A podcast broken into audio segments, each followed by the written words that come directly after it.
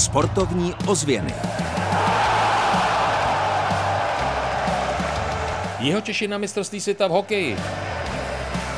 Cyklisté se chystají na mistrovství České republiky. Fotbalisté regionální akademie Jihočeského kraje vyrazili do Itálie.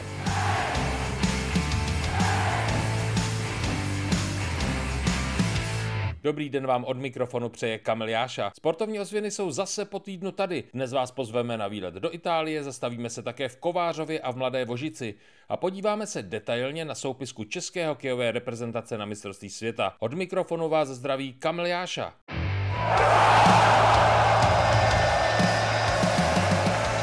Sportovní ozvěny s Kamilem Jášou. Hráči a trenéři regionální fotbalové akademie Jihočeského kraje vyrážejí do Itálie. Byli jsme u toho, když popisovali, jak moc se těší na zápasy. Hrát se bude v městečku Busoléňo. Soupeřem Jihočechů budou Hellas Verona a Atalanta Bergamo. Hráči popisovali, jak se na konfrontaci s italským fotbalem těší.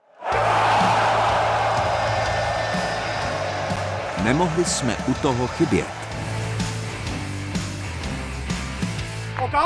Hele, šup jenom, jdeme. Malý hřiště, hledej mezery.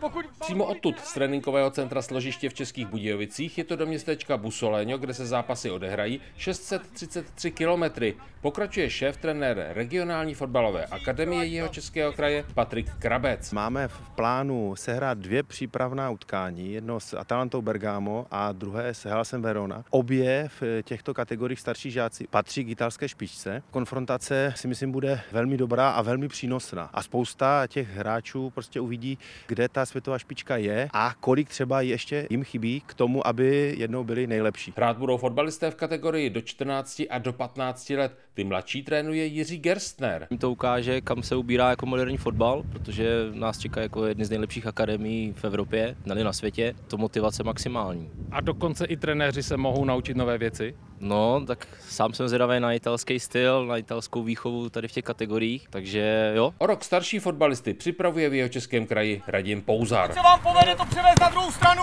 Určitě motivace a určitě to bude pro ně ukazatel toho, jak celý ty dva roky pracovali. Vidí prostě kluky v Itálii, nejlepší tým, jako je Bergamo, jako je Verona, jak jsou na tom v této žákovské kategorii. No. A ta motivace může posunout právě v tom přípravném období zase do další sezony? Spíš bych řekl, že je to posune v tom nastavení samotným, protože pokud uvidí ty kluci, co jsou schopní kluci v Itálii zvládat, tak si myslím, že ten trénink pro ně bude určitě motivací víc než samotný utkání. Fotbalisté berou cestu jako velikou výzvu a přiblížení se ke splnění jejich snu. To potvrzuje Matyáš Poturnaj. Každý tým vlastně v Evropě nebo v těch top pěti ligách je pro každého z nás sen a Itálie super země i super liga, kde se ten fotbal každým rokem zvedá, takže hlavně neudělat ostudu, což doufám, že splníme, splníme vlastně to, co trenéři pro nás jsou vlastně celý ty dva roky tady v akademii, takže já doufám, že předvedeme to nejlepší, co v nás je. A Daniel Mašata svého spoluhráče doplňuje. Těším se samozřejmě, jako většina fotbalistů si myslím. Bude to zajímavý zápas, nebo zápasy spíš. Budeme se snažit vyhrát, bude to velmi zajímavý, no.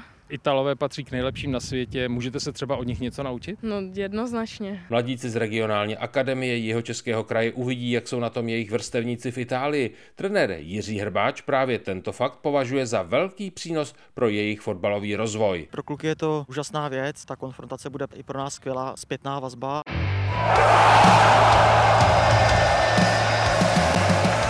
Sportovní ozvěny výsledkově. Ve fotbalové Fortuna Národní lize Táborsko remizovalo v Brně 1-1. Stejný výsledek, který také 1-1 se narodil ve třetiligovém utkání Povltavská akademie Písek. V polovině června se pojede společné mistrovství České a Slovenské republiky silniční cyklistice na jihu Čech v Kovářově u Milevska a v okolí Mladé Vožice. 23. června je v plánu časovka, 26. června silniční závod jednotlivců. Mistrovství světa hokejistů ve Finsku hraje v českých barvách Jihočech Jiří Smejkal a také Jakub Vrána z Detroitu. Ten sice není přímo Jihočechem, ale má, jak říká Karel Pražák, na českobudějovický let velmi pozitivní vzpomínky. Jsme tady pořádali žákovský turnaj Memoriál Miroslava Dvořáka. Jakub Vrána tady vyhrál, myslím, nejlepšího střelce a prosazuje se jako střelec a jako střelec se jevil už jako žák. Tabulka. O víkendu skončila i nadstavba fotbalové Fortuna ligy. Pořadí ročníku 2021-2022 je následující. První místo a mistrovský titul Plzeň, druhá skončila Slávia Praha, třetí Sparta, Jediným jeho českým zástupcem v soutěži je Českobudějovické Dynamo. To po dvou prohrách ve skupině o umístění s Mladou Boleslaví skončilo na desáté pozici.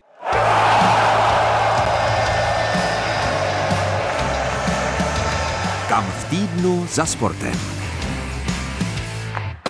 Ve středu v 18 hodin začne na Českobudějovickém střeleckém ostrově, tedy tam, kde hraje své zápasy Dynamo, finálový zápas Českého poháru mužů. Na jihu Čech se střetnou SK Planá a Jankov, tak pokud budete mít čas, vydejte se podpořit tradiční fotbalové regionální kluby. Od mikrofonu vám hezký den přeje Kamil Jáša. Sportovní ozvěny Českého rozhlasu České Budějovice.